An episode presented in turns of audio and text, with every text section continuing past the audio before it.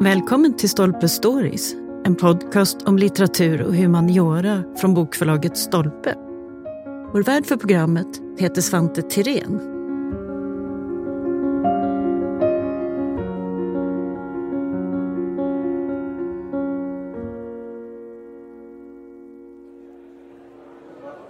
Välkommen till Stolpe Stories, denna gång live från Bokmässan i Göteborg.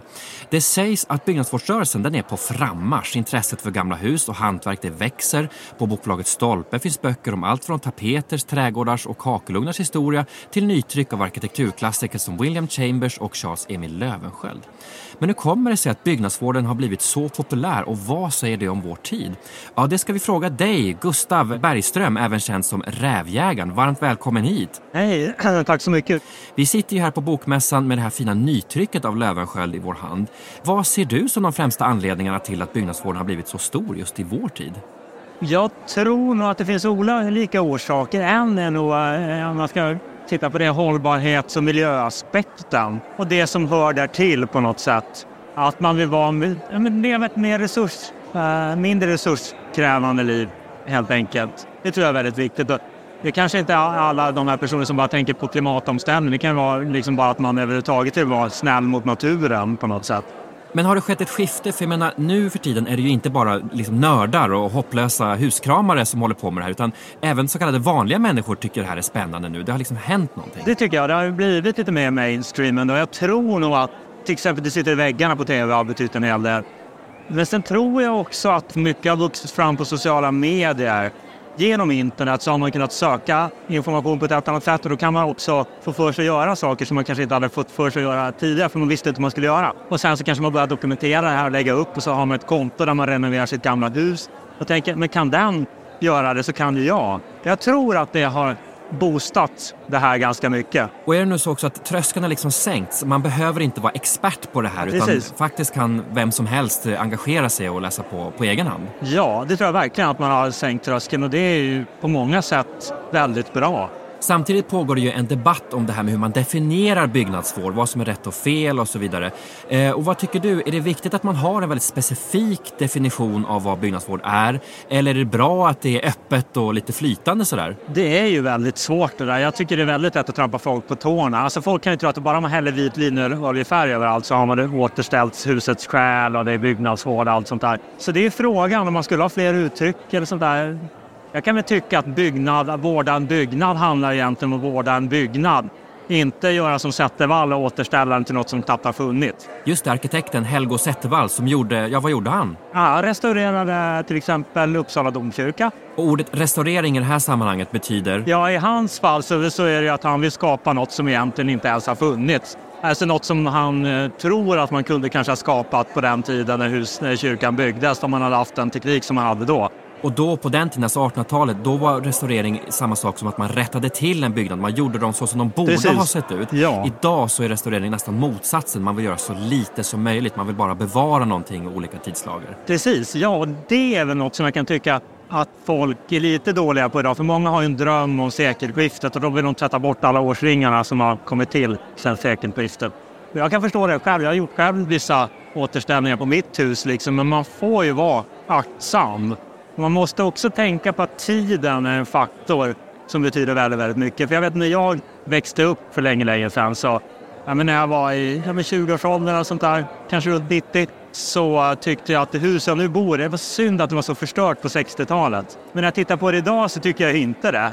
För jag ser ju kvaliteterna hos 60-talstilläggen så att säga. Jag ser ju kvaliteterna hos de äldre detaljerna. Att de har bevarats och de kanske uppväger väldigt mycket. Alltså jag vet inte. Det är komplext det där så att det är svårt, alltid svårt att döma så att säga. Men jag tycker nog att man ska vara mer rädd om det, har, det man har och framförallt titta på vad man har först.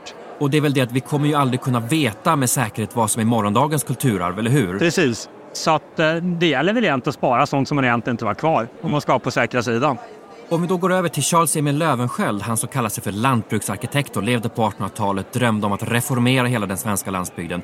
Han ville ju egentligen få bort all den här gammaldags arkitekturen som vi idag njuter av på Skansen som verkligt kulturarv. Samtidigt så har ju hans bidrag, det här med snickarglädje och 1800-talsbyggnader, det är ju också ett kulturarv. Så det här är ständig förändring, det är ett ständigt slagfält det här, kan man säga så? Det är ju det och det är likadant med Helgo Zettervall om vi ska återgå till honom. Uppsala domkyrka är en fantastisk byggnad efter hans restaurering. Åtminstone nu efter 100, ja men det är över 120 år, 130 år. Så att det är ju så jäkla svårt att döma. Man får ju alltid tillbaka skiten på något sätt. Förr eller senare så hade man fel. Men det kan väl också vara lite trösterikt, tänker jag. Jag kan väl säga som så att det är bra om alla gör lite olika. För om alla ska göra på precis samma sätt, då skulle man ju radera ut precis allt av en viss epok. Det här med att vilja fostra människan genom arkitektur, det är ju Löwenskiöld förstås inte ensam om. Kan man säga att det är en slags folkfostran genom byggnadskonst det här? Ja, men det är det såklart. Men jag undrar om det inte alltid har funnits en liten tanke om att kunna bygga en ny värld med bättre människor genom att uppfostra dem. Det har man ju försökt under 1900-talet också i olika, på olika sätt. Men det, alltså det finns ju en fin tanke, men det är väl kanske inte alltid så kul att få höra att man inte riktigt duger. Jag tänker om man är en grå liten stuga som inte har så mycket snickarglädje då kanske inte ens har fått panel. Och då duger man liksom inte i Löwenskiölds ögon, eller hur? Nej, då duger man inte i Löwenskiölds ögon. Nej. Det finns ju de som har anklagat byggnadsvården för att vara ett elitfenomen. Det är bara de som har råd som kan ägna sig åt det här. Vad, vad tycker du det stämmer? Nej, det tycker jag ju faktiskt inte. Jag tycker att alla skulle kunna ägna sig åt det på ett eller annat sätt faktiskt. Men det är också samtidigt otroligt lätt att bli idealistisk när man ser folk göra fel på något sätt. Alltså jag kan tycka att det är ganska hemskt när man ser att folk har köpt ett hus som är liksom, ja men kanske som mitt hus. Och så har de rivit ut allt från 60-talet. Det hade inte jag gillat. Så att det är ju jättesvårt. Man får kanske försöka vara lite snäll ändå. Jag tänker också, det finns ju inom byggnadsvården, folk kan ju bråka om vad som helst. Hur man än gör kan det bli fel om man, om man äh, är för gilliga, umgås i kretsar eller skriver i grupper där det är väldigt hög, folk med höga ideal. Liksom. Men alla har en chans ändå? Alla har såklart en del. Men verkligen, så det får man väl säga. Men jag tror också att man bör vara lite ödmjuk och skilja på liksom att min tanke här egentligen var att jag vill Ja, men jag tänker, det finns, har alltid funnits trendmänniskor som har det sista. Liksom. Det blir likadant inom byggnadsvården. De har hoppat på byggnadsvårdstrenden på något sätt. Det är lite det jag kanske vänder mig mest emot. Att de, de, vill ha, de har liksom en romantisk bild om det här är byggnadsvård. Då ska det alltid vara säkerhetsskift och lite ljust och allt sånt där. Och det tycker jag är tråkigt. Det blir en egen estetik så att Det säga. blir en egen estetik. Och jag, jag, det är ju ganska utbrett den här byggnadsvårdsestetiken, om inte annat på exteriör färgsättning på något sätt. Det finns inte så många varianter. Löwenskiöld var ju övertygad om att arkitektur den behöver vara både vacker och praktisk för att kunna fungera. Och vi kan ju höra vad han själv skriver om det här. Han säger så här Hemmets fröjder är och det ljuvaste av alla och den som rätt uppfattat hur den husliga härden, uppvärmd av en oskrymtad gudsfruktan, förmår att sprida omkring sig allt det goda som hälsa och glädje, arbetsamhet och välstånd har att erbjuda. Denne skall säkert erkänna att uti ett sådant hem har arbetaren den rikaste ersättning för sina mödor och den bästa uppfostringsanstalt för sina barn, vilka ofta hela livet igenom bibehålla och ledas av föräldrar hemmets intryck. Ja, Gustav, hur ska man tolka det här? Det är klart att han tycker att det är viktigt att man har ett gott hem, det är rent och snyggt och det är prydligt, att man sköter sig, ordning och reda, allt det där. Det är grunderna i det. Tycker du att det är grunderna? Ja, anständighet. Ja, men det var ju mycket anständighet på den tiden. 1800-talet. Ja, på, såklart. Ja. Man får ju, det var ju alltid viktigt att tänka på sitt anseende. Det har ju varit ganska länge, så det, det kan ju förekomma långt in på 1900-talet. Det är klart att när man läser upp en sån text bara snabbt så låter det lite som en parodi eller en pjäs va, från 1800-talet. Men här finns ju en genuin vilja att göra någonting bättre för, för människorna. Ja, men så är det naturligtvis. Jag menar, han har inte skrivit det där för att vara elak eller för att världen ska bli sämre, utan han tror ju på det. Och jag menar, det finns ju mycket av det där som är bra, fast man, jag menar, man måste också transformera det till en ny tid. Allt det här finns inte kvar idag, utan vi, miljön har förändrats, vi lever på ett annat sätt. Det är andra vanor och traditioner och det är andra ideal i samhället och allt sånt där. Jag, jag gillar ju sånt där, men jag kan samtidigt bli också väldigt provocerad. Men som, jag tycker det är väldigt viktigt att det är snyggt och prydligt allt det där. När man tittar på 20-talsklassicismen kan jag tycka är tråkig. För att den är så perfekt. Det är inget som sticker ut där. Det är liksom bara god smak. om det är för mycket god smak så det vill jag ju liksom... Har du läst eh, Charlotte Löwenskiöld? De tar för mycket socker. Vad händer då? Och så, ja, men hon, ser, hon är på en bjudning och så vill hon ju då...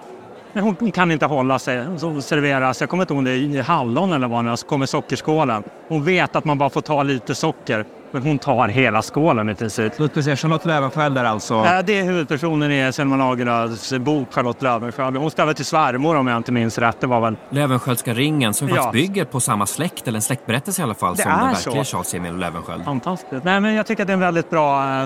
Jag tycker väldigt mycket om den berättelsen. Jag förstår den känslan att man liksom inte kan hejda sig. Man måste liksom förstöra lite grann också. Och sen är det ju det här med att Löwenskiölds arkitektur är ju rikt dekorerad med snickarglädje, ornament av olika slag.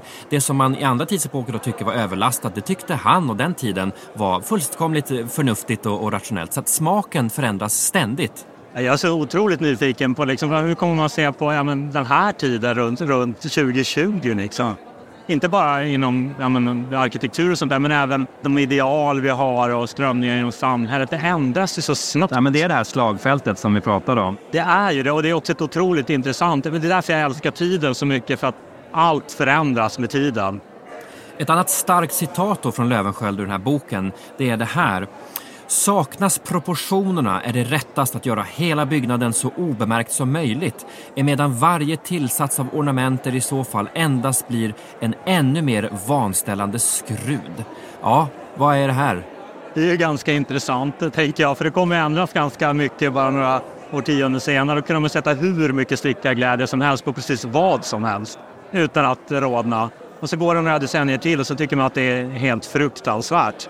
Det har ju hållit i sig ganska länge får man säga. Det är väl de senaste 30 åren som snickarglädjen verkligen har kommit tillbaka, 20-30 åren. Nu älskar ju folk snickarglädje. Ja, de kan springa gatlopp för att få pallspont. Och det här med snickarglädje då, både älskat och hånat. Alltså vad är grejen? Varför väcker dekoration och snickarglädje såna här så starka reaktioner? Egentligen är det ganska konstigt.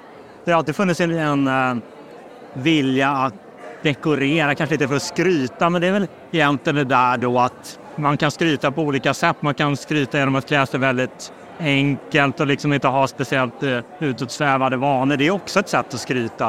Och det är kanske därför stickarglädjen ändå blir ganska laddad, för det är lite grann för mycket av allt på något sätt. Alltså det, är, det går inte att missa stickarglädje. Det är som ett 1880-talshus i sten liksom är det en väldigt rikt dekorerad bil från slutet av 50-talet. Den har ju också extra allt liksom.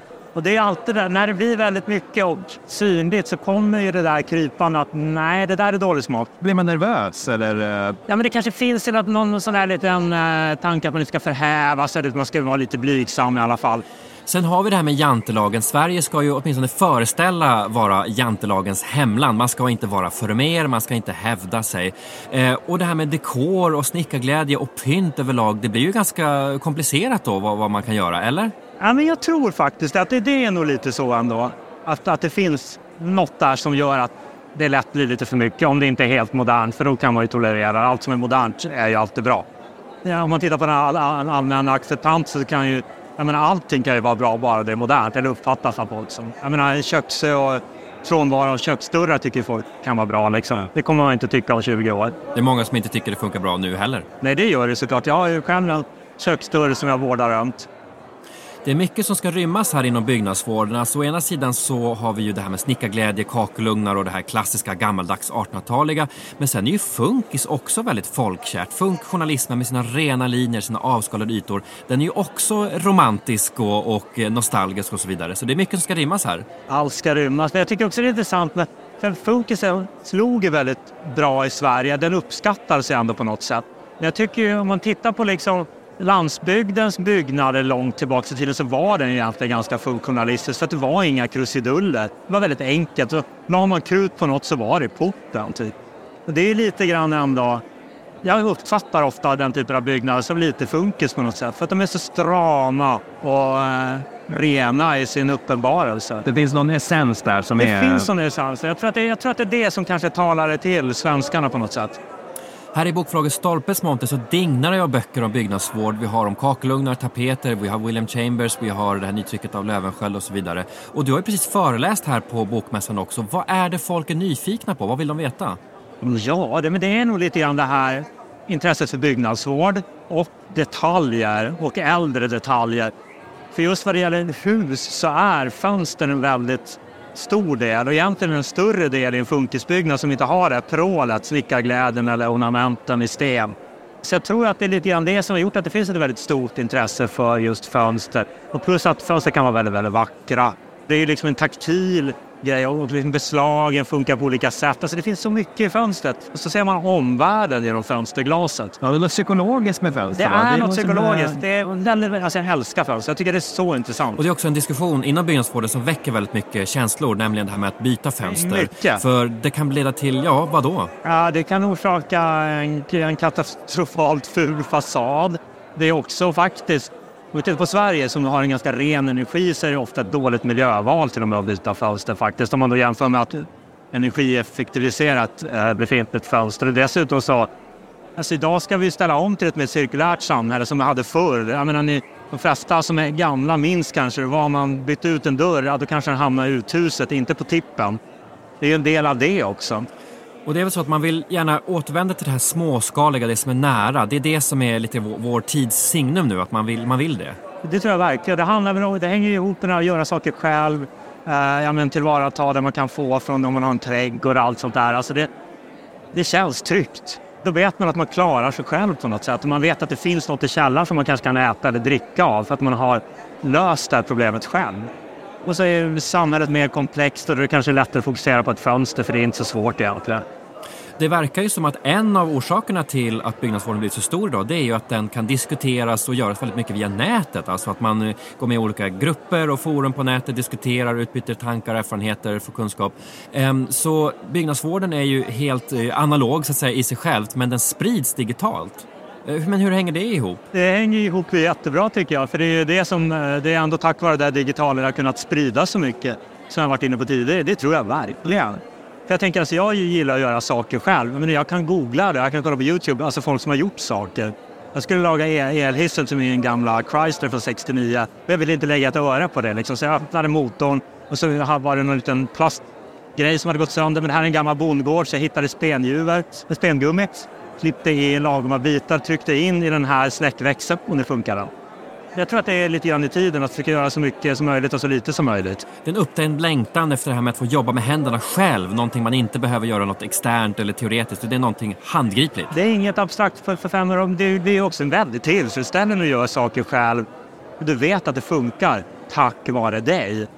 Inte tack vare att du haft råd att låta fixa eller köpa nytt eller något sånt där. Liksom. Och du förstår ju också, får ju förståelse för allt. Ju mer du lär dig om saker, ju lättare är det att förstå hur de funkar, hur du ska underhålla. Jag tänker också om du eh, börjar renovera dina fönster och måla om ditt hus och så där så förstår du också snabbt när du ska göra underhållet för att det ska bli så lite renovering som möjligt. Att du bara gör små insatser så håller det jättelänge utan att du behöver göra en större grej. Liksom. Så det handlar om kunskap. Det är internet väldigt, väldigt bra på. Ja, det är viktigt att konstatera också att byggnadsvård ska ju vara kunskapsbaserad. Det är lätt att det blir starka åsikter hit och dit och man, man skriker lite högt och så. Men, men det ska bygga på att förstå gamla hus, sätta sig in i dem på deras egna förutsättningar. Ja, och det är olika. För jag menar, kanske bara man bor i landet och huset är byggt. Alltså det finns så mycket faktorer, många faktorer som spelar in. Du som ändå reser runt och föreläser och träffar väldigt, väldigt många människor. Vad tycker du är de stora frågetecknen som vi har kvar att räta ut kring vad byggnadsvård är för någonting? Ja, men det är nog lite grann när man träffar folk som är mer inne på byggnadsvårdsstilen, skulle jag vilja säga. Inte på byggnadsvård och eh, resurssnålhet och sånt där, hushållning med resurserna. Att det, är som en, att det skulle vara just en stil så att Det, säga. ja, alltså så? då, då, liksom, då tycker man att det är det som är det viktiga, stilen. Inte att man förhållningssättet på något sätt till byggnaden. Om vi gör en framtidsspaning då. Jag menar, nu är byggnadsvård stort, det diskuteras och inte minst nu med hållbarhetsfrågor så har ju byggnadsvård blivit väldigt, väldigt viktigt eftersom att det, det är ju mer eller mindre ett, ett hållbarhetstänk så att säga. Så vad tror du framöver? Kommer byggnadsvården vara ett eget fält eller kommer det helt enkelt smälta in i någon slags allmän känsla av att vi tar hand om saker, vi ska inte slita och slänga, vi ska vårda? Jättebra fråga. Jag är så otroligt nyfiken på hur det kommer att utvecklas. För jag tänker om vi ska följa lagstiftningen och liksom bli, få en cirkulär ekonomi och underhålla istället för att kassera så kommer vi få ett helt nytt samhälle med pantverkare, inte bara montörer.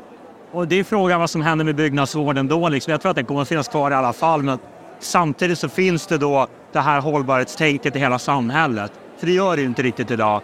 Så jag tror eh, något sånt. Kanske blir så svårt att spekulera. Jag är inte bra på det.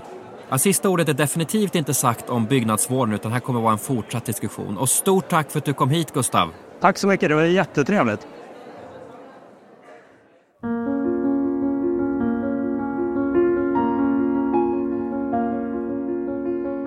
Tack för att du har lyssnat på Stolpe Stories.